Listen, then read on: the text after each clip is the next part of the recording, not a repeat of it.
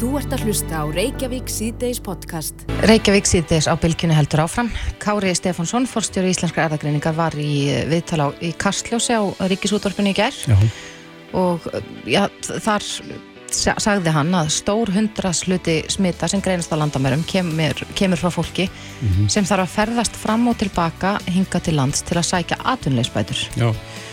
Hann sagði að, að já, þetta væri það fólk sem að væri atvinnlaust og skráð hér inn í atvinnleistryggingakerfið mm -hmm. dveldi löngum stundum erlendis en kæmi hinga til þess að svona halvpartin endur nýja umsókn sína. Já, halda þá réttindi sinu við vandarlega? Akkurat og já, hann í raun og veru tekur það fram að, að það sé erfitt að tala um þetta uh, og að staðan sé svo að sé uh, stutt á milli þess að segja að það sé einhvers konar útlendinga anduð og, og fleira í þeimdur. Mm -hmm. En uh, okkur leikur fóröldna að vita hvort að þetta sé yfirhauð hægt. Maður hefur oft heyrt af því að atvinnuleistryggingakerfið virkar þannig að, að fólk þarf að vera í virkri atvinnuleit og getur ekki dvalið erlendis því að þá missir það réttindi sín. Ég mitt. Á línunni er Unnur Sveristóttir, hún er forstjóri vinnumálstofnunar. Komdu sælunur.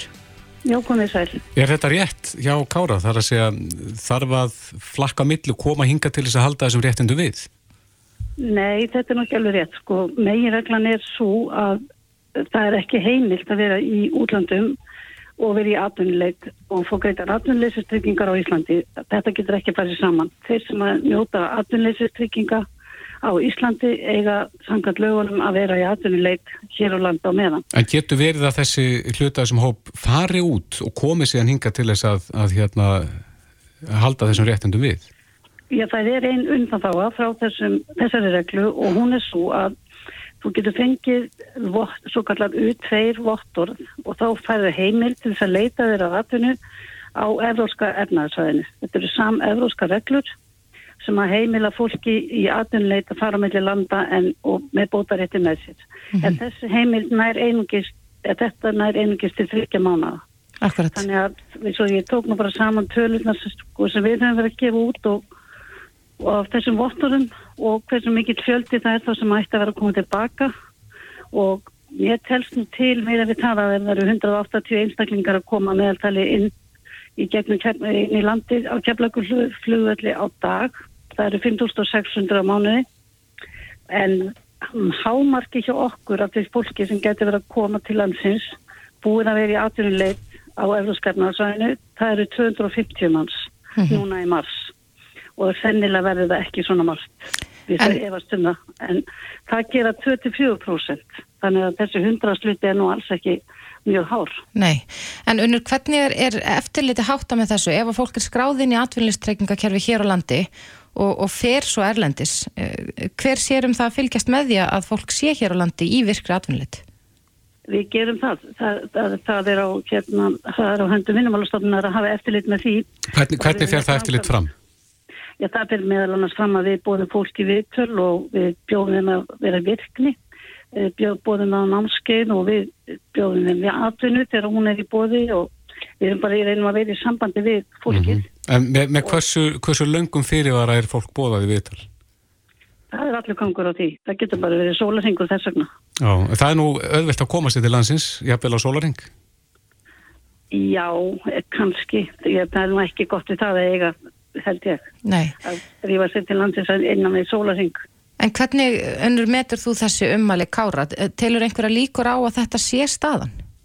Nei, ég tel enga líkur á því og ég tel þetta sé á miskilingi byggt. Það getur vel verið að það er eðlilega þá verðist að vera svo að það komi smitt inn til landsins í gegnum keflagflugöld en það er þá getur gert með hverjum sem er og hvort fólk er að koma frá Östur-Evrópu eða, eða annars með frá það kemur ekki því við hvort að fólk er að fá greitar atvinnilegisbætur eða tryggingar, það, það getur ekkert samengið þarna á milli. Nei, þú telur þetta standist já, þú telur þetta standist ekki að þetta sé þá fólk í atvinnuleit sem Nei, þarna ræðir. Þetta geta alveg verið en þetta er ekki stór hundasluti.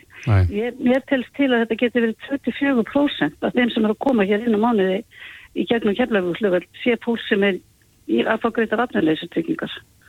Þannig að þetta bara sem ég ósennlegt að þeir byrju allir stærstan hérna hluti því að bera smitt á milli. Mm -hmm. Það eru 5.600 manns að fara hérna um flugvöldin. Mm -hmm. Já, Þóróli Guðnarsson eh, sagði í gæra að, að meðaltali er 1% komu farþega með smitt uh, og þetta sé algengast, algengustu smittin sé vissulega frá Ístur-Európu en, en uh, þó er erfitt að segja hvort að þessir einstaklingar séu í virkri atvinnuleitið ekki eða hvort þeir séu yfir höfuð skráður í atvinnuleistryggingakerfið. Já, já, þetta getur verið fólk sem er bara hér í vinnu og er búsett og hefur skotist heimtið sín í frí. Mm -hmm. Það er bara þannig. Íslendingar sem eru búsettir ellendist, þeir koma hingað í frí og heilsu bættinga og fara tilbaka. Einmitt. Það getur verið bara þannig að þetta, þetta miskilingurinn sé þetta, hann er byggir fyrst og fremst á því að þetta sé fólki atvinnuleit sem verði að koma og viðhalda réttindum, það er ekki rétt. Það, heldur, það gengur ekki upp. Nei. svo tölfræði. Rétt aðeins í lókin unnur, hvernig er stafan á vinnumarkaði núna? Hún er ekki góð. Það er náttúrulega, við erum kringum 12% atvinnleysi en þannig að nýbúin að blása í áttak hefjum störf og það hefur farið á stað bara mjög vel þannig að ég held nú að við getum verið frekka bjart sín svo lengi sem við getum tekst að hveða niður þessa bylgi sem allir hafa ágjör af að sé, sé að hefjast. Ertu fann að sjá þetta áttak skila sér í, í lækandi tölum þá? Ég mun alltaf sjá það, já. En það veldur alltaf því hvernig fer með þessi smitt og, og hversu vel okkur gengur að halda faraldunum við skefum. Mm -hmm. Heldur þú að þessar uh, hörðu aðgerri sem greipi á til núna á miðnetti, já muni setja strikk í reikningin hvað atvinnleysi varðar? Ég geti trú að það kemur svolítið hiki ráningar á meðan á þessu stendur og meðan við erum að sjá hvaða árangur er af þessum aðgerðum. Mm -hmm. en vonandi ef þetta gengur vel og árangur verður góður að þá þá er ég fulla trú að þetta glæðist núna með vorun og sunnum Unnur Sveristóttir, forstjóri í vinnumálastofnunar. Kæra þakki fyrir þetta. Hefur, takk sem leiðis Þú ert að hlusta á Reykjavík C-Days podcast.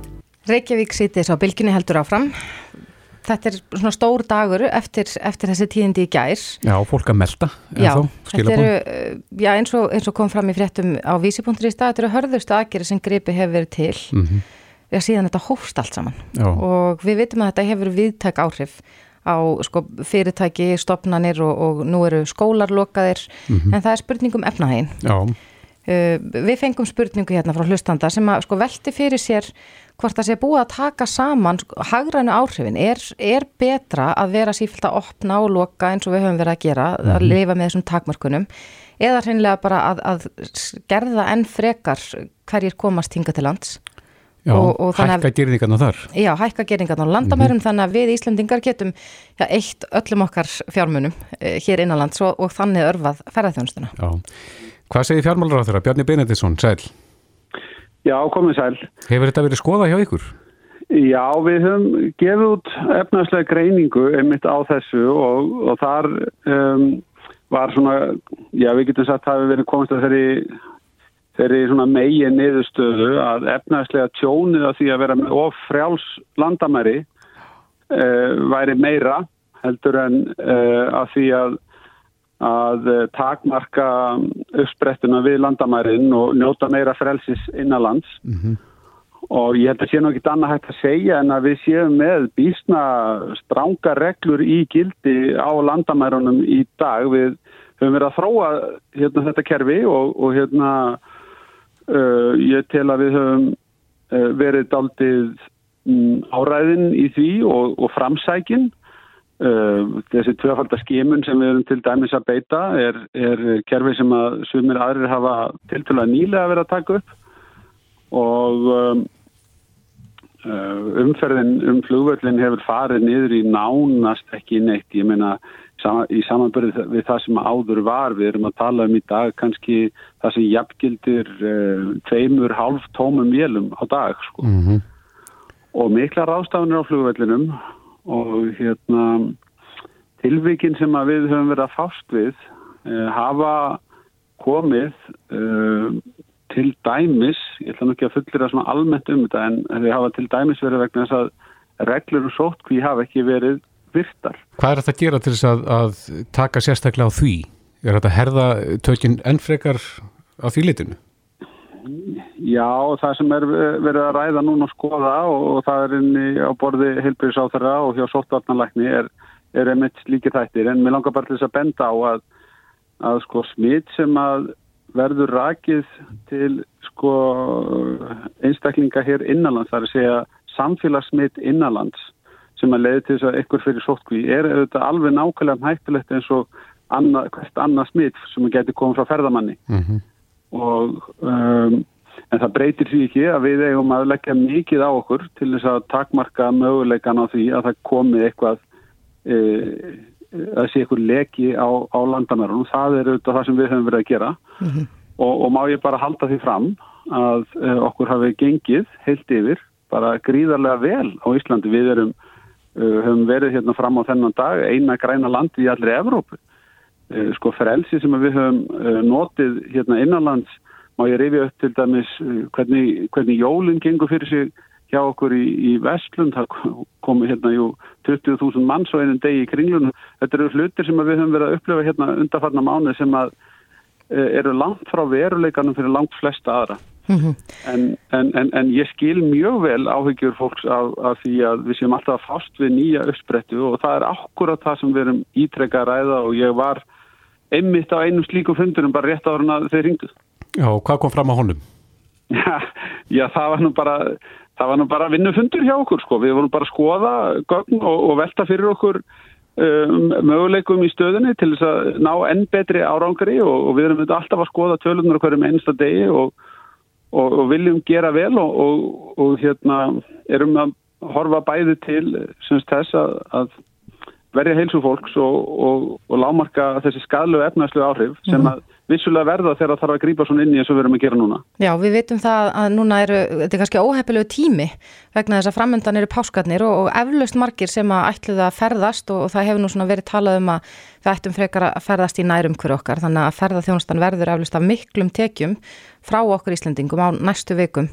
Uh, verður komið til mótsvið ferðarþjónust aðalega vegna þessa? Já, það er gildi öll þessi úrræði sem að hafa verið gildi eins og til dæmis lokunarstyrkir fyrir þá sem að þurfa að loka starfsemi sinni og verum eins líka með tekjufallsstyrkina fyrir þá sem er að verða fyrir tekjufalli. Uh, og þetta er rétt sem hún segir og ég er þegar með í tölvupostunum hjá mér dæmin um hóteleigandur sem að er að segja okkur sögur að því að nú hafi þeir átt vona á tögum í heimsókn sko á næstu dögum og næstu vikum sem allir séu að afturkalla pantanir. Um, en þá verður ég að segja við, við verðum að hafa úttalt til þess að skoða stóru myndina og átt okkur á því hvað er verið að reyna að gera hér. Það sem við erum að reyna að gera núna er að grýpa snemma inn í snemma inn í til þess að taka ekki áhættuna því að það séu samfélagsmittat úti sem fari veldis vöxt vegna þess að það geti enda með því ef við þurftum að fara í mun harðari aðgerðir í lengri tíma. Þannig að þessi sömur ekstraðalar eru þá fyrir miklu meira tjóni heldur sem leiðir að þessu. Þetta er bara grunn hugsunin hjá okkur. Mm -hmm. Við erum að reyna fórna sagt, uh, minni hagsmunni fyrir meiri í, í, í, í því samhengi. Sko. En Bjarni, eru í gangi eftir því sem að þú best veist einhverja viðræður núna við framlegendur uh, bólefna? Uh, já og það er komið fram að það eru slík samtöl í gangi. Ég get ekki sagt mikið meira heldur en bara nákvæmlega þetta. En um, í mínum huga þá stöndu við svona nánast á krossgötum í þessu núna. Ég, það er oft gott að þegar maður er í svona langferð eins og þetta, þessi heimsfaraldur hefur reynst okkur vera að uh, brjóta þetta niður í áfanga. Ef við horfum einn ásfjörðung fram í tíman, þá erum við komin inn á mitt ára, við tökum hérna april, mæ og júni. Það er jafn langur tími og er að verða liðin frá áramótum, janúar, februar, mars. Ehm, það er ekkert mjög langt síðan að hér voru áramót og það er þess vegna ekki mjög langt tanga til að við verðum búin að bólusetja hér eh, þennan krítiska massa innanlands. Það mun gerast hérna eitthvað tíman í júni, júli, samkvæmt okkar áallunum eins og það er í dag og þá munur hlutinir breytast mjög verulega að ég tala ekki um ef við fáum viðbótar skamta samkvæmt einhverjum öðrum leiðum, einhverjum nýjar uppsprettar, einhverjum nýjar uppsprettur uh, reyna skaglegar, þá munum við hérna, geta gert þetta ennræðar. Er það spútnik? Við verðum að hafa úttalt núna til þess að taka þennan síðasta áfanga upp á eins og fjálstoppin og, og, og þá mun þá munum við fá útsýni sem að, hérna, við erum að býða eftir. Mm, þessi nýja uppspretta geta það verið spútnik eins og hefur verið talað um? Ég tel það vel komið til greina sko, ég menna, auðvitað hangir það endanum að því að, að það liv hérna tellist vera örugt af þeim sem við tökum marka á mm -hmm. en við skulum lefa okkur að vona það og er ekki verið ekki skynsanlega fyrir að tryggja sér að minnst aðganga að lifinu, jafnvel þóttu eitthvað þess að kosta til uh, ef það síðan reynist vera hérna fá græntljós að þá er eins gott að hafa komið sér í röðina. Já, en Bjarni að öðru sem að nú kannski kemur líka inn á bort til þín en, en það er þessi umræðu um að uh, hægt sé að greiða sérregnarspartna skatt frá svona húsnæðislán eins og gert þessi, þessi ráðstöfun hefur verið í gildi síðan 2014 og nú hafa meðal annars hefur BHM kvart stjórnföld til að framlengja þessa heimild. Er, hefur það já, verið til umræðu? Já, ég, við erum einmitt að uh, skoða þetta. Við erum í fyrsta lagi búin að ákveða að leggja til framlengingu á almennu útækt sérregnarspartnaðarins sem að fólk er að taka út bara til þess að framfleta sér og greiðir að því skatt. Uh, það ætlum við að uh, taka aftur upp og framlengja. Það er hérna, ráðstöðum sem að fólk þurfti að hafa sóttum fyrir síðustu áramót. Nú erum við að tala um að leggja það til að það veri framlengt. Varandi hitt, það rennur út um mitt þetta ár og er gamalt baráttumál okkar sem að uh, hægt er að hérna, reykja allt aftur til ásins 2013 þegar við fórum í aðgerir til þess að taka á slæmri skuldastöðu heimilana og hefur verið mjög vinsalt úrræði, þetta mikið skattalegt hagraði því að geta tekið sérfisbarnar ástæðin á, á húsnæðislán mm -hmm.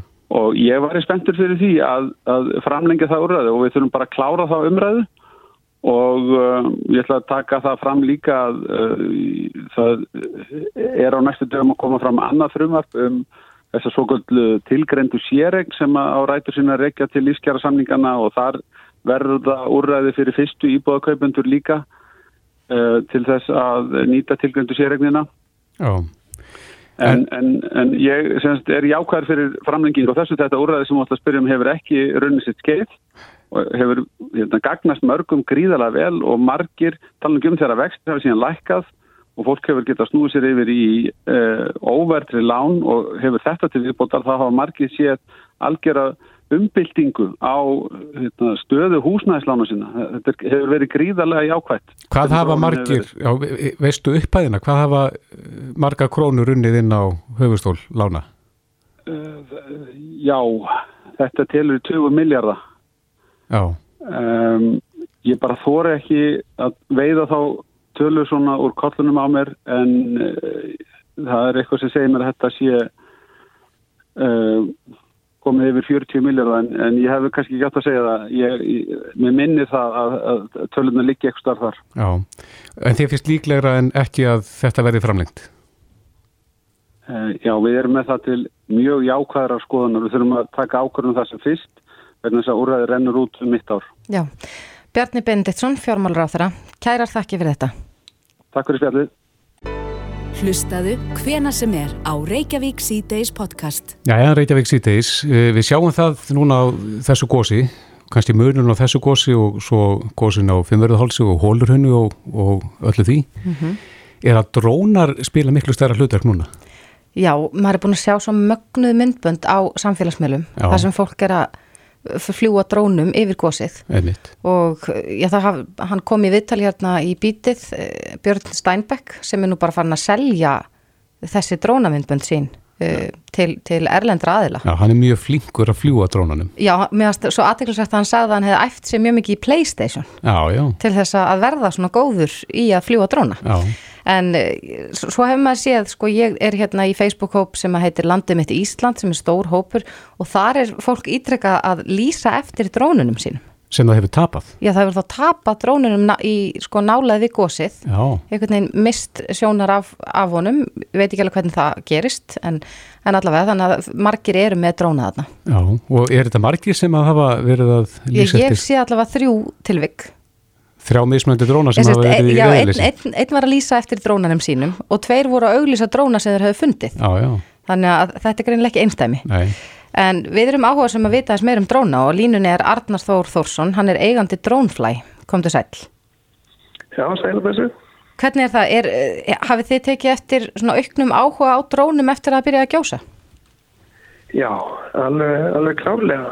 Hérna mikið leikning í, í sölu og fólk sem að veru hefur kannski verið að býða með að kaupa dróna fyrir sumarið, er að, er að kaupa sér dróna núna fyrir, og akkurat út á gósinu. Mm En getur verið að, að því að við nefndum hérna þessa dróna sem að voru í reyðileysi eitthvað staðar og sömi týndir, e, getur verið að fólk sé að hætta sér á nálagt gósun að, að eh, eitthvað bráðni bara í mikilvægi partar í drónanum við það að fara svona nálagt gósunu? Já, það er alveg mjög líklegt. Uh, við erum ekki búin að fá þannig sem marga til okkar en þó nú einhverja sem hafa, hafa hérna, fyrir tjónu út, út á miklum hita Já.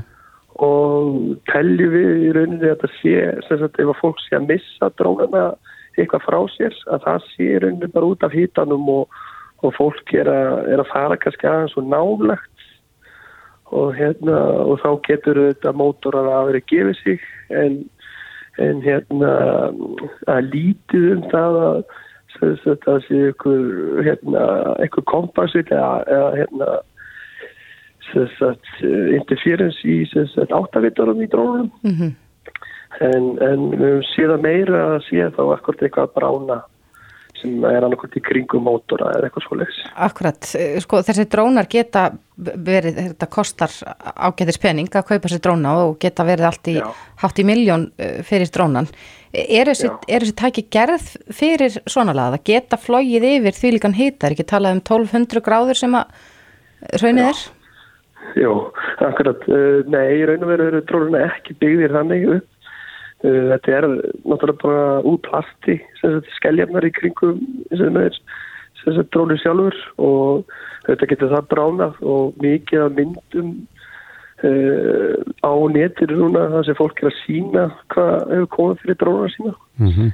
þannig að það er alls ekki, alls ekki gerði fyrir þetta og, og hérna þannig að já, bara reyna að halda sér aðeins, aðeins ofar en...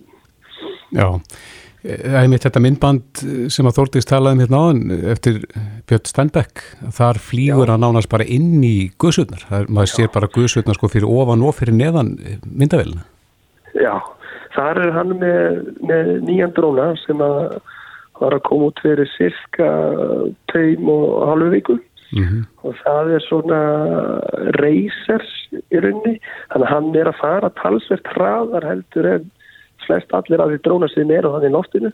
Mm -hmm. og þar alveg að færa meiri hérna, vindkælingu mm -hmm. og hann er að ná um þannig alveg sko 90-100 km hraða. Já og hægir síðan á myndinni. Og hægir síðan á myndinni. Akkurat, þannig að þetta er, lítur kannski út fyrir að hættulegra en, en, en það er í raun og veru. Já, algjörlega. Og, og ég hitt hann aðna akkurat í gær, ég var akkurat hann með frá í gær með mína dróna og hérna, og þá vor, fórum aðeins og nálat og það byrjuði hérna spaðan í hjálpum aðeins að. Já, já. En er að lagfæra það? Er að skiptum spaða á dróna sem er að kosta 80 miljón? Já, já, sko eins og þessi dróna sem hann er með, það er það er um svona 150 150.000 sem drónir sjálfur þannig að svona, já, miljónkall það er ekki margir kannski með, með dróna upp á miljón sem eru hann í loftinu núna sko Nei. Hvað er það nýjasta í uh, þessum tætjum? Uh, nýjasti drónin allan frá þeim framleitu sem við erum með og erum að selja er þá þessi DJI FPV Racer sem að Steinbeck uh, flög þarna yfir góðsynni mm -hmm. og svo eru náttúrulega aðri drónar mjög vinsalega sem er DJI Mavic 2 og Mavic Air þeir eru búin að sjá mjög mikið af myndböndum af þeim sem uh, á netinu og, og á hérna Instagram og svolítið. Er það drónarnir sem að maður getur látið elda sig? Uh, það er, já, það eru drónar sem getur látið elda sig og, og hérna Uh, en ekki reyndar eftir afturrónin það er meira svona, svona reysfílingur í því og, mm -hmm. og svona öðruvísi flug eins og kannski sérst á myndbandi hjá, hjá Steinbach mm -hmm. og hérna en síðan eru þessi maðvikar og, og þessi drónar sem eru mest í loftin þarna þeir eru svo meðfærilegir og litlir í rauninni að pakka þeim svo vel saman að og fólk þarf náttúrulega að lappa hann út eftir þannig að það reyna að hafa eins lítið búna og hægt er með sér. Já, en svo sáum við líka, fyrir tjárna, við sáum líka fréttir af öðrum drónaeganda sem var með hitamyndavill í drónanum. Já, við vorum akkurat, uh, við vorum líka þar með, með M300, heitir hann, þegar Matrix 300 það er dróni sem er með, með hitamyndavél og, og súmyndavél og, og fleiri myndavélar á sér. Og hérna þar náðum við að fara í, í ágæta hæð og náðum að súma og verið þá, vera þá í hérna, góður í fjarlæg frá hitanum þar sem að hafið þá ekki áhrif á, á drónan eða, eða linsuna á honum. Nei, og náðum það bara að súma betur á þeim skotu sem við vorum að reyna að ná. Akkurat. En Arnar, nú sér hefur þú í þessu í drónum og þeir að selja fjöldan allan af drónum. Eh, Já. Hvernig líst ykkur á þessa nýju reglur sem að samgöngustofa hefur bóðað að það verði svona aðeins hert regluverki í kringum uh, drónaflug?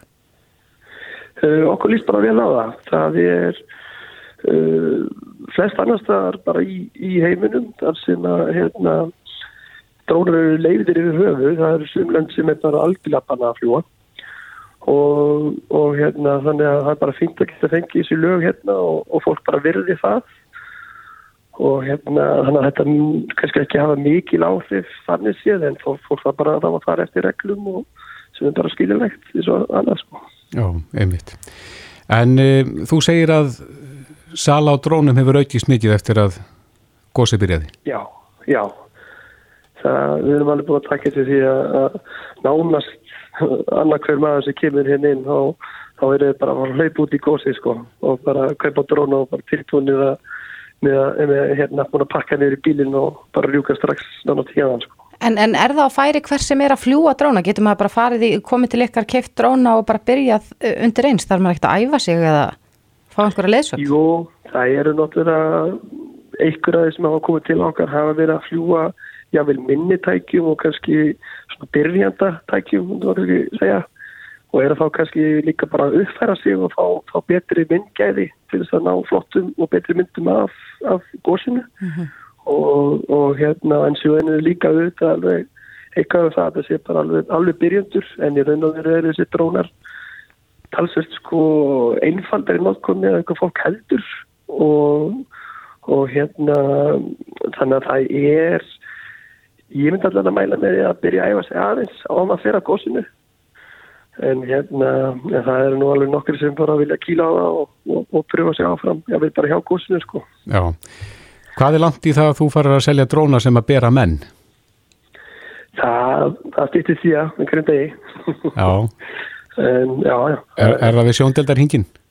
Já, ég, já, þetta er að þróast mjög rætt og sérstaklega í, í þessu, þessari deild að geta, geta hérna bórið fólk en, en þar er það satt svona kannski aðeins hægar út af því að, út af leifismálum. Það er erfitt að, að fá leifi í mörgu löndum fyrir að dróna sem að ber fólk. Já, en það hefur verið að hindra svolítið. þegar næst, næsta gós kemur þá getur maður kannski fara að fljúa yfir góðstöðarnar. Já, bara á, á dróna. Já, akkurat. Sjálfur, já. Já. Arnar Þór Þórsson, eigandi Drónflæ, kæra þakki fyrir þetta. já, takk sem leiðis. Reykjavík síðdeis á bylginni. Það gengur mikið á þegar við erum að tala um COVID og e, það tekur, e, tekur á sig ímsar myndir og það e, með engum fyrirvara eins og, eins og þjóðin hefur kynst og, og við erum í ákveðnum spórum í dag þar sem að, sem að óvisa hefur verið hleyft í þetta mál ímissa hluta vegna en formar auðvaríksmálunendari Sigurður Andersen. E, e, þau tíðindi berast út yfir heimsbyðina að með skoðst Ev Evrópu að, að það verði ekki eh, hægt að verða við fyrir hugðum bóluefnasendingum hingað. Út af, já, maður veit ekki erfitt að ráði í þetta, þetta kallar á, á svona óvissu og, og, og vissan vantrúnað á að þessi bólusetningar plön gangi eftir og svo framvís. Þetta er einn einn svona kannski alvarlegasta hliðin á, á þessu fári sem við erum að fást við núna um þessa myndir Já, uh, ég held ég hef nú nefnt það við þig, þú tókst við með viðtal fyrir nok nokkurum vikum síðan og ég spáði nú því að það er nú kannski allt fullt af bóluefnum uh, fljótlega eða svona með vorin og mér sýnist það nú svo sem verða að gerast, það eru fleiri framlendu komnir í, í spilið og hér rúsnenska bóluefni er orðið svona raunverulega til skoðunar hjá Evrósku Lífjastofnunni og menn eru raunverulega að tala um það hér á landi einmitt að, að tryggja sér skamt af því Uh, en auðvitað, uh, svo þessi uppákoma sem ég leiði mér nú að kalla í gær í Evrópusambandinu hjá framkvæmta stjórn uh, Evrópusambandsins sem að gaf út í gær, gær morgun að mér skilst uh, yfirlýsingu um það að, að lönd sem áður höfðu verið undan þegin gildandi banni við, við útflutninga bólöfna til þess að það hefur verið í Evropasambandinu gilt bann við því að flytja út bólöfni úr sambandinu. En það var nokkur lönd verið með undanþáu frá þessu, löndu utan Evropasambandinu það var meðal Ísland og Norrjur og fleiri ríki. En það var semst ákvað að kippa þessum löndum út af þessum lista. Uh, og það var komið auðvitað fát á, á normenn og, og hérna auðvitað Íslands stjórnvöld líka. Og það var kallað eftir því að þetta er skýrt og það var skýrt með þeim hætti að það var sendt hérna svona nota frá frá leitin sjálfri um það, eða hún fullvisaði stjórnvöld um það að, að það væri áfram auðvitað byrja gildi þessi samningu sem Ísland á í við Evrópusambandið um þessi sameilu yngöp og dreifingu. Það mun ekki draska því og það er nú auðvitað gott að blessa en hins vegar er það og ég lísti því strax í gæri yfir að, að það er auðvitað alveg ósættanlegt að við séum yfir höfuð á þessu lista því að við hefum sérstökur sambandi við Evrópusambandi gegnum EES samningin og uh, uh, þannig að þetta er svona óheppilegt og ég veit ekki hvort að þetta myndi hafa áhrif á það til dæmis ef að Ísland vildi nú falast eftir auka skömmtum frá einhverju af því Evrópusambandsríki sem að situr núna uppi með skamta sem það er sannlega ekki að nota. Uh, hvort að það er þið skoðað á þessum að Evrópusambandi hefur sagt upp breyta að er þið skoðað case by case eða sem sagt hvert tilvik fyrir sig. Ég nefni þetta sérstaklega vegna þess að ég hef talað fyrir því að uh, Íslands stjórnvöld reynir hva, allt hvað þau geta til þess að útvega sér meira bólöfni uh, ekki bara uh, fyrir utan þennan samning þar að segja frá framlegndum utan Evropasambansins heldur líka í ljósi þeirra stöðu sem er upp í mörgum Evropasambandslöndum sem er svo að þau eru ekki að nota það bólöfni sem þau hafa. Nú var Danmörk að tilkynna í dag að þau ætla að fresta nótkunni AstraZeneca um þrjárvíkur í viðbútt og þá veldi maður því strax fyrir sér uh, hvernig væri nú þá að hafa samband við þá? Að því að við höfum líst í yfir að við ætlum að fara eða síðast í vissi, nú er maður hægt að fylgjast með þetta hlutindi breyta svo hrætt en var það ekki fyrir dag sem að sóftanar yfir lístu því yfir að við ætlum að hefja aftur nótkunni AstraZeneca uh, efninu? Uh, nú, nú mér þetta efni liggja á þrjár, þrjár vikur í Danmörku og mér finnst einbóðið að menn hafi samband og dörr stjórnvöld fái þetta efni lánað auðvitað gegn því að við skilum þegar við fáum aftur fleiri skamta að því mér finnst það ekki bóðulegt í Evropasambandinu að ríki séu að liggja með uh, marga skamta sem þeir hafa líst yfir að þau mun ekki nota. Eða kom ekki út af einhverjum ástæðum. Mörg ríkjana hafa ekki komið sér upp almennilugu kerfi bólusetninga og það er þess vegna sem þeim gengur illa bólusetja. Það voru líka uh, stórtíðindi og förðu frétt sem bast frá Evropasambandinu gær varðandi sem fjallaðum það að að það Evropasambandi að Frankværtsjóðin let leini þjónustu eða einhverja lögröglu og Ítalju ráðast inn í versmiðju uh, AstraZeneca á Ítalju til þess að einhvern veginn að leggja hald á skamta sem þar voru Uh, og uh, Evropasambandi grunar ætti að fara til Breitlands en það er sér búið að leysa það kom í ljósa að þetta voru skamta sem átti að fara á að fara að dreifa til Evrópu. En það sem kom mér óvart í þessari frétt og mér fannst uh, í rauninni svolítið hryggilegt er að þetta voru 39 miljón skamtar sem að liggja þarna í, á lagar skamtar sem hafi verið fluttir frá framleistu stað og var, er útskýrst að verða að merkja þá og hvað veit ég og auðvitað þarf eitthvað að vinna þetta og það er auðvitað ekki þannig að bólefni komi beint á, af kunni og fari strax í dreifingu. En 39 miljón skamtar er svolítið mikið og uh, þannig að þetta hefur maður líka lesið bara um í, meina, í spænsku pressunni það sem maður liggur á hérna uh, það sem hafa verið sko ef ég skilja 700.000 skamtar af AstraZeneca sem að menn hafa ekki komið út. Mm. og jáfnvel einhvern fleiri, fleiri efnum líka. Þannig að þetta finnst mér að Evropasambandi þetta, maður horfður þetta bara fylgis með þessu aktofa þetta er svo mikil óreiða, það er svo mikil fát og fum í þessu öllu saman og svo eru þetta komin eitthvað svona pólutík í þetta, þar að segja landspólutík í þetta. Menn eru augljóslega að einhvern veginn að reyna að koma breytum ítla eða hefna sína á þessu brexit dæmi eða láta það flækast fyrir sér. Og, og við vorum dregin inn í það held ég, svo ákverðum sem var beinist að Íslandi gær var kannski hluti af því. Mm. en mikilvægast er þetta að Ísland auðvitað, geri allt, við gerum allt sem í okkar valdstættu til þess að hérna, að því okkur gengur svo vel að bólusetja þegar við höfum mefnið. Það er nú það jákvæða við það. Gengur allt svo smurt og þá eigum við auðvitað að reyna að fá þetta bólefni sem liggur inn á lager, ónotað og krefjast þess að menn uh, liggi ekki með það og lána okkur það. Höfum við við mótmælum uh, þegar við uh, horfum til þessarar óreiðu uh, þú, þú sem formaður utanriksmálunemndar er þér kunnugt um, um, um svona nóg mörg dæmi og, og þessu hefur verið þessu málum hefur verið hreift við, við eins og Európa sambandi, er það ekki? Jú, ég menna ég hérna hafði veður af þessu setnipartin í gær og gerði strax aðtóðsendir við þetta. Og uh, mér var tjáðu þetta það að væri uh, það, það kem ekki veg fyrir þannig bólöfnasamningi sem verið að lýsa sko.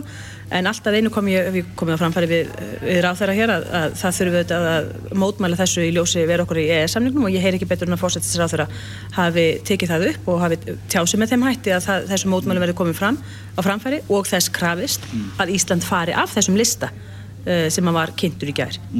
Ég veit ekki betur en við sem ennþá á þessum lista ég veit ekki hvort að það hefur breyst en það er mjög mikilvægt að mínum að það sé gert. En sé litið svona til uh, þessa faraldus sko frá því að hann nam hér land eða COVID-ið uh, höfum við verið nú vakandi? Svona þegar maður lítur tilbaka þá er þá finnst manni svona kannski viss svona slíkja sofandaháttar uh, vera þarna allt umkring bara svona í huganum Ég get auðvitað ekki tjáð með um það hvort að fólk hafi verið sofandi almennt eh, eða vakandi en ég, meina, ég hef bara alltaf lagt áherslu á þetta hvað þingir, því að maður er nú þingmaður maður er nú kjörin til þess að halda hérna, bæði þingin upplýstu og auðvitað kjósendum upplýstum um stöðum mála. Þannig ég hef nú kallað eftir meiri að gagsa hérna, og umræði hérna þinginu um þessi mál uh, og meiri upplýsingar. Ég hef kallað eftir því að allar upplýsingar sóttotna yfirvalda og allar undirstofnanar helbærisræðandisins í þessum efnum séu ofinberar menn upplýsi hérna mjög vel um ákvaða grunni allar aðgerðir byggja allar ákvarðanir byggja. Og ég held að það hérna hjálpi nú bara til þegar menn þegar fleiri hérna ræða oft málin hérna, það hefur nú verið þannig hérna þinginu. Um, tek til dæmis umræðum breyting og sóttarnarlögum sem áttu sér stað í februar En hvað var það bólefnin að þá hef ég líka bent á það að, að mér hefði fundist að menn hefði ótt að vera búin að kaupa maður svo sem bara gekk út frá því að strax í sumar að menn væru komnir í einhverja vinnu með það að tryggja sér bólefn frá öllum framleiðendum mm. af því að það var strax í síðasta vor umræðað um það að það væri kapplöp á milli, milli bólefna framleiðenda og það gæti auðvitað að koma babb í bátinu hinnum á þessum og þetta er því svona slítrótt Þannig að, en núna vona ég að stjórnult hafi uh, tekið annan pól í hæðina og er núna að ræða við rúsa sem eru stóri framlegendur og ég veit ekki hvort það verður rætt við ykkur af fleiri. En Astra? Og, uh, já, Astra, menn við erum með samning við þá að fáum, fáum það, e, samkvæmt þessum Evrópusamningi, en ég myndi leggja áherslu á það að menn ætti að tekja sér meira bólefn af AstraZeneca, það sem er líkur á lausu í Evrópu, mm. úr því að við erum búin að taka ákvörðin um að nota það, sko. Mm og um, þannig að það er hérna uh, og Jensen, Johnson Johnson það var fjölga og gerði fleiri samningar mm -hmm. um það mm -hmm. í lók desember mm -hmm.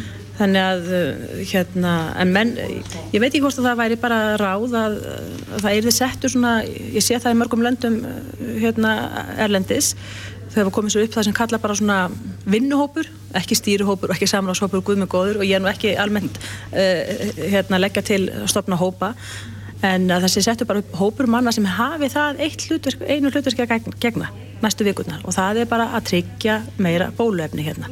Það virðist vera eina leiðin hér út úr þessu faraldri að bólusetja fólk. Og svo þurfum við auðvitað stjórnvöld líka svara því. Uh, ekki vera svona uh, hérna hvað maður að segja uh, fara í felur eitthvað neinn með það. Hvaða þýðir að fólk er orðið bólusett? Menn vilja fá svör við því hversu marga þarf að bólusetja og hverja þarf að bólusetja til þess að við getum farið að anda hérna aðeins léttar og sagt, heyrðu, nú er búið að bólusetja okkar viðkvæmasta fólk. Það er þá búið að tryggja að það verður ekki veikt. Menn hafa sagt, auðvitað geta þeir smittast, sko, og þeir geta borðið smitt, en þeir verða þá ekki veikir. Hinn sem eru ekki eins viðkvæmir, þeir geta smittast og þeir geta orðið veikir, en þeir eru ekki viðkvæmir, að þeir verða kannski ekki alvarlega veikir. Þetta þarf alltaf að setja í samhengi og líti á heildarmyndina og uh, gæta því að allar þessar aðgerðir, hörðu aðgerðir, allar þessar lokanir og svona, þær hafa gríðarlegar afleiðingar uh, hlýðarverkanir sem að tengjast veirun ekki neitt en eru jafnvel alvarlegri heldur en þessi veira. Sigrid Andersen, formaður utangismála nefndar eh, það geisa stormar í þessum málaflokki en, við þurfum að sjá í land. Takk fyrir. Já, takk mjög. Þetta er Reykjavík C-Days podcast. Reykjavík síðdeis heldur áfram. Eh, Við vitum það og höfum talað um það oft að eh, það er svo rosalega mikið af fólki sem er að leggja leið sín á Reykjanes að skoða gósið Já, og við heyrðum að því fréttum áðan að nú er sko vindáttin óhagstæð og, og eh, gasmengunin liggur svona yfir stikaða stíknum að gósinu. já sem á móti í strömminu þá. Já, og mér skilst að björgunarsveitamenn uh, þarna í Grindavík hafi verið að, að stika nýja leið sem er þá hagstæðari leið út af þessari vindátt. En nú fer að koma helgi á morgunni fyrstu dagur og, og eflaust margir sem að hafa ekki haft tíma í vikunni sem ætla að leggja leið sína þarna um helgina. Já, Þannig að ég er mjög forrættin að vita að hvernig vindáttin verður, þú veist, er, er yfir höfuð hægt að fara ángað um helgina út af gósmengun? verður hagstæð vindátt. En það er góð spurning. Einar Sveinbjörnsson hjá veðurvaktinni og blika.is er á línunni. Sæl, Já, komið sæl. ert þú búin að ráða úr þessu? Hvernig verður vindáttin um helgina? Svona séð. þetta- Já, þetta er ótrúlega elja hjá Björgunarsveitinni að að leggja bara nýja gönguleið, sko. Já, Það er spurning hvort þeir haldið því bara endalist áfram? Vind átti breytist. Ótrúlega góð þjónustöðu okkur hinn sem erum að reyna að komast að þetta. mhm, En sko, hann snýrist í, í nótt í norðan átt og þegar það er er neður á ferri vind átt, sko, þá uh, leggur guðurnar yfir gönguleiðina með svo húst að hluta. Þarna, þarna ofan til, sko. mhm, Það er hagstæðist að hafa þetta bara söðu vestan að vestanátt eins og er búið að vera meira og minna frá því að kosið byrjaði. Þá, þá, þá legg, leggja guðurna bara yfir óbyðurna sko. Mm En, en e, það er nú þannig sko að e, þetta stígur sko loftið upp yfir rauninu og yfir eldskuðinu bara út af hitanum að neðan. Og e, ef að er nægur vindur, það er að segja góður strekkingur, að þá er nú blönduninn finningin nú verður tiltöla röð. Þetta er kannski verst í tiltöla hægum vindi svona 4-9 metrum á sekunda á að gíska. Þá, hérna, þá, þá leggst þetta yfir að fylgja landinu og sömar að þessu guðum eru þingir en andrúrslótti. Og síðan getur við líka hugsað okkur þannig sko ef að, ef að er já, hægur vindur bara 3 metrar á sekundu að minni þá, þá, þá hérna þá rís e, rísa kannski guðurnar að luta til upp yfir raunin og svo leggja strafti niður bara hætti grendin í allstæðir kring. Og það er þá sem menn er að tala um að það sé hægt á að, að styrkurum verði há svona í lægum. -hmm. Fyrst og fremst þegar það verður hægðir. Akkurat. Ert þú búin að fara sjálfur eh, að gósinu einar? Já, já, já, já, við gera það. og hvernig var svo upplifun? Já, ég er nú búin að fara til þessar. E, núna, síðan það byrja að gjósa núna? Já, já. Já, Það, já, ég menna bara eins og eins og aðri þá er þetta, þetta hérna það er allt annað að sjá og finna og heyra heldur, heldur, heldur en að horfa svona á myndir úr í blö- blöðum eða á netinu eða vefmyndavélina þó að það sé nú líka til góða mikið Já, ég tók, já, ég tók eftir því inn á, inn á blika.is að, að það er nú bara hreinlega hægt að fylgjast í betni með veðurspáni í Geldingadal. Þannig að þe- þeir eru komið með sérstaka spá Já. fyrir svæðið.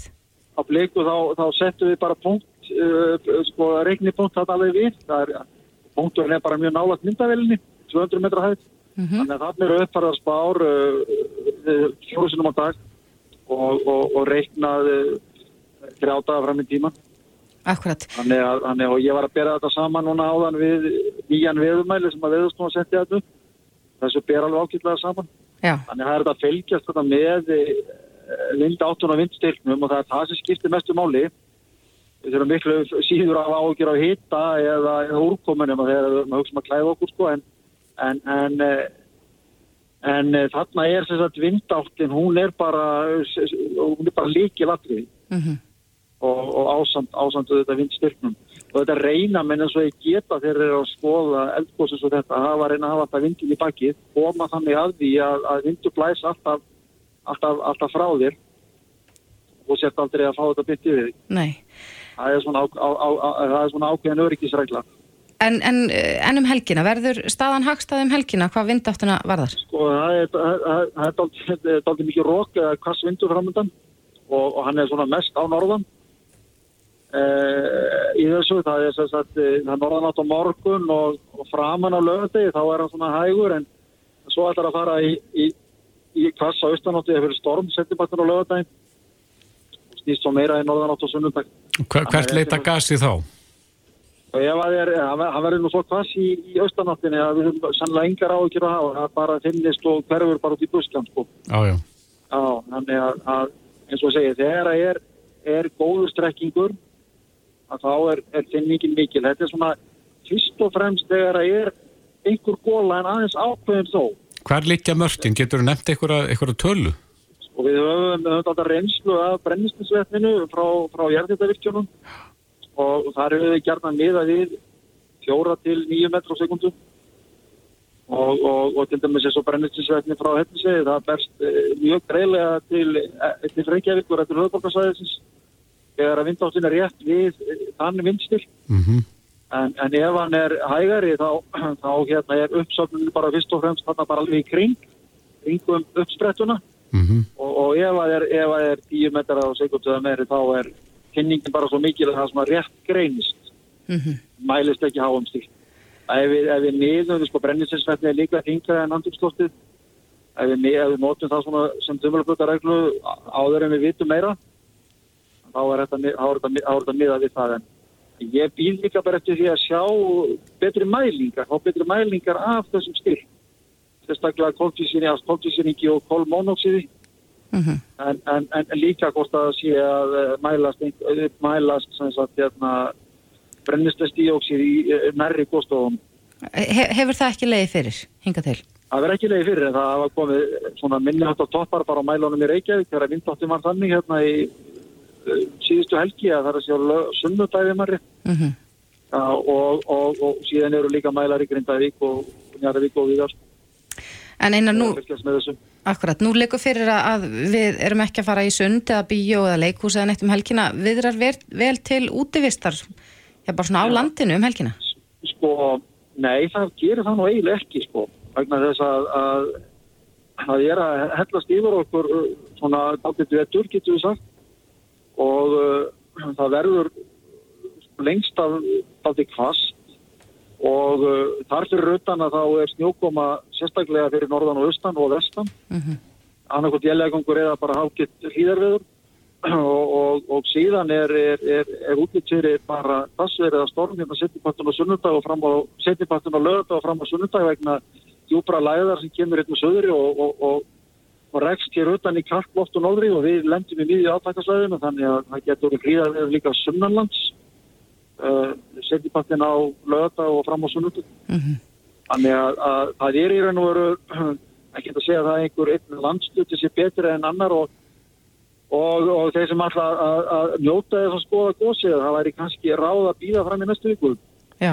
að meðan hérna meðan veðrið er, er, er, er svona kallt og, og fast getur við sagt. Já, og varum að fólk fari eftir því og þessum hérna leiðbeiningum Einar Sveinbjörnsson hjá Veðurvaktinni og blika.is og eins og Þórtis kom inn að hérna þá erum við búin að bæta dalnum inn í þetta gos svæðinu þannig að það er að finna inn á blika.is Kæra þakkir. Reykjavík síðdeis á Bilginni podcast. Jæja, góður hlustendur, þá ræðum við um sokka það nú eiginlega sá klænaður sem við kannski ekki beinlinni svona yfir leitt verið að nýsast í. Ég er hérna og skrifstofu hjá Krabbensfélaginu en hún Halla Þorvarsdóttir er að er að sísla í því heil, heilmiklu, það er móttumar sem stendur yfir og, og það á, eiga eiru allra miskusti kalla á aðstandenda að, að, að hérna að vera með opin eiru og, aðtiglina og og já, meðal annars sem er, er að gerast hér á bæ. En, en það, það er með sokkana. Nú, nú er þetta hillir undir lok uh, móttum mass mánadar um, og, og þú ert þú hefur áhyggjur af því að sokkarnir komast ekki að markað Jú, þeir eru nú komnir á markað sko, þeir eru komnir á markað en leiðin var löng og ströng mm. og þeir voru út á rúmsjó mm miklu, miklu lengur heldur en áallega var, kom ekki til, kom ekki í sölu fyrir 19. mars mm. en átt að koma í sölu þann fyrsta. Mm. þannig að e, og verða í sölu til 1. apríl og e, við vitum það að ímsir voru farnir að býða en við erum líka pínlítið hrætt um að einhverjir hafi reynlega glemt þeim. Mm. Þannig að okkur er auðvitað mikið í mun að, að koma því á framfæri við fólk að þeir eru komnir í sölu, mm. þeir eru glæsilegir, þeir passa alveg ótrúlega vel í sófan og líka í gönguferðina að góðsunu og passa vel með páskaækjum og sparfötunum og heimafötunum sem er það sem við þurfum núna í, í, í nýjustu COVID aðgerðunum. Mm. Þú nefnir e, gósið og, og, og eru þið, þið að bjóða þetta þar eða? Við reyndum í gær, mm. við reyndum að vera með sölufólk við hérna, þar sem að fólk leggur á staði í gósið en það gekk því miður ekki af því það var ekki netsamband þannig að við þurfum að finna þess aðra leið mm -hmm. en já, ég vonaði satt að segja að við stillum okkur upp þar því að þar er, er fólkið og það er ekki svo hættulegt, það er fólk úti og það er hægt að halda fjarlæðinni og, og svo framvegs og svo framvegs mm. Hér á blöðum stendur atvíð, attensjón og úvaka. Já, þetta er nú bara svona lítið e, minnisblad fyrir kallmenn á þremur tungumálum um þau einkenni sem að þeir eiga að vera vakandi fyrir. E, ef e, einkenni sem geta bent til þess að, að um krabbaminn sé að ræða og ef að kallar finna fyrir þessum einkennum sem er hægt að fá allar upplýsingar um á, á heimasíðinu motumas.is að þá eiga þeir að drífa sér til læknis, það er bara einfallega þannig mm -hmm. og, og þeir eru hann með þetta úvaka þýðir hvað aðtvíð á pólsku Já, einmitt, við erum náttúrulega bara í uh, svo fjölbreyttu samfélagi orðið, -hmm. fullt af, af pólverum, þeir eru flestir af, af hérna, nýbúanum hjá okkur þannig að -hmm. það eru þetta tímabært að tala við þá á þeirra, þeirra tungumáli. Mm -hmm. Hvernig var það gengið? Eh, það er mikið að gerast í samfélaginu, COVID, eh, já, eldgós og, og, og margt fleira. Þetta, þetta hefur gengið samt sem áður að, að, að, að hafa ykkur í framíð. Já, já, já, já, það gengur alltaf vel í Mótumars. Við vorum með Mótukeppnina, eh, hún var endurvakinn núna og, og á 700 kallmenn sem söpnuðu, tóku þátt í henni og, og söpnuðu yfirvaraskeggi, söpnuðu líka rúmlega 12 miljónum eh, til styrtarstarfinu hjá okkur, þannig að það var auðvitað ákaflega gleðilegt. Mm. Eh, svo er þetta þannig að, að það er alltaf einhverju viðburðir, mm. Uh, í gær var hérna lítið málþing sem, að, sem betur fer, hafi verið ákveðið að hafa bara í streymi eins og tískan er núna, en það kom sér ágætlega því að það var náttúrulega gripið til þessari hörðu aðgerða í, í gær mm -hmm. og hérna það málþing var uh, aldeilis frábært, það er náttúrulega alltaf þannig að þeir sem standa upp úr, það eru þeir sem að hafa veikst sjálfur og segja sína sögu mm -hmm. og þetta málþing er aðgengilegt á vefnum hjá okkur og ég hvet eh, alla og ekki síst kalla mm. til þess að fara inn á, inn á vefinn krab.is og, og fletta þessu upp og þó að þeir hafi, þeir hafa lítinn tíma að bara skrolla fram í málþinginu og hlusta á þá högna og braga sem að segja sína sögu af því að greinast með krabminn. Hefur okkur köllunum farið fram í því að, að, að segja okkar reynsli í þessu sem að ennum örgum uh, daldið dölbúið eh, sko litamál Já, ég held ykkur sé að fara fram sko. Ég, eh, en ég held hins verið að það sé ennþá daldið mikið langt í land. Ég held að sé ennþá of margir kallar sem að eru bara með sína reynslu fyrst og fremst fyrir sig og sinn maka og hafa ekkert mikið hátt um hana annar staður og leita ekkert endilega mikil stuðnings. Mm. En, og þess vegna eru þetta mikilvægt líka að, að, að geta mætt mögum þessara manna mm. og, og kannski stutt við þá og styðja þá við kallana svona gegnum, gegnum makana en, en eins og ég segi hérna, þessu stuttu erindi þeirra högna og, og braga á málþinginu gerðu voru aldrei frábær. Mm. Árkvært eh, sapnast umtalsast fyrir og það, það eh, ber vottum það að það er hljómgrunnur fyrir þessu starfi vissulega og, og undiraldan er þung og hún, er, hún getur verið ágeng og það er gott eh, rannsóknir á, á krabbamennum Karla eða, eða hver, hvert rennur þetta fér sem að lítur á okkur köll, þetta er náttúrulega er þetta ekki brjóstakrappamenn hjá konum og, og, og blöðurhálskirtillin hjá, hjá körlum sem er svona Mhm. kannski það sem að oftast greinir hjá, greinist hjá hvoru kynni Mhm. uh, þess, hva, í örfáum orðum hvert, hvert rennur fjöð eða hvert, í hvað átt eru það að fara í þeim öfnum Allt starf krabbminnsfélagsins er fjármagnað með sjálfsaflafið. Þannig að allt starf félagsins er kostað af almenningi og fyrirtækjum. Velunarar krabbminnsfélagsins eru, eru hérna, hvað var að segja, stærsta stóðin og svo eru það átökin bleika slaufan og mótumars. Og, og hérna það sem sapnast í mótumars, það rennur aðalega til þryggja þátta. Það eru uh, fræðsla og forvarnir. Hér eru þetta mjög öflugar heimasýður sem eru stútfullar af, af efni, bæði sér að varðandi ráðgjöf í, í veikindum og varðandi fyrirbyggjandi þætti. Eh, Það eru rannsóknir, hér eru unnar rannsóknir beint og svo rekum við líka mjög öflugan vísindarsjóð sem að hefur útlutað tæplega 230 miljónum til krabbmeinsrannsóknu á síðustu fjórum árum. Og svo er það ráðgjöf og stuðningur að hér er heilmikil hérna eh, ráðgjafar miðstöð þar sem er hægt að sækja endurgjaldslösa þjónustu hjá hjókurnafræðingum, sálfræðingi, félagsráðgjafa og fleira og fleira, námskeið og, og slíkt. Gott við þess að vita, en uh, við minnum á, á uh, sokkana, þú segir uh, þeir örðuð aldrei seinir inn á markaðinn og, og, og því hafa þeir kannski ekki verið meira áberandi en, en, en römber vitni, sokkanir fögru, bláir, rauður og hvítir og með skegginu á, á, á legnum sínir smert. Uh, uh, þetta er uh, tilsölu núna þess að fáu daga sem eftir lifa af, af marsmániði og, og það skal tekið fram að þeirra hún er lengi í hafi eins og maður segir með varning sem að við útöfum okkur einhverstar í útlöndum en, en þeir eru þörrir skráfþurrir, skráfþurrir og aldeilis príðilegir fara vel á fæti og munu njóta sín vel um, um páskana. Þannig ég hvet alla til þess að kaupa par, þeir fást í vefverslun krabbmennsfélagsins og bara á sölustöðum út um allt land, öllum maturverslunum og, og apotekum og við hefum mjög öfluga stuðningsæðilega í því að koma þeim í sölu. Þannig að bara endilega krækja sér í par. Halla Þarvarsdóttir, Frankóttasjóri Krabbmessfélagsins, takk fyrir og gott gengi. Takk sem leys. Reykjavík síðdeis á Bilginni podcast.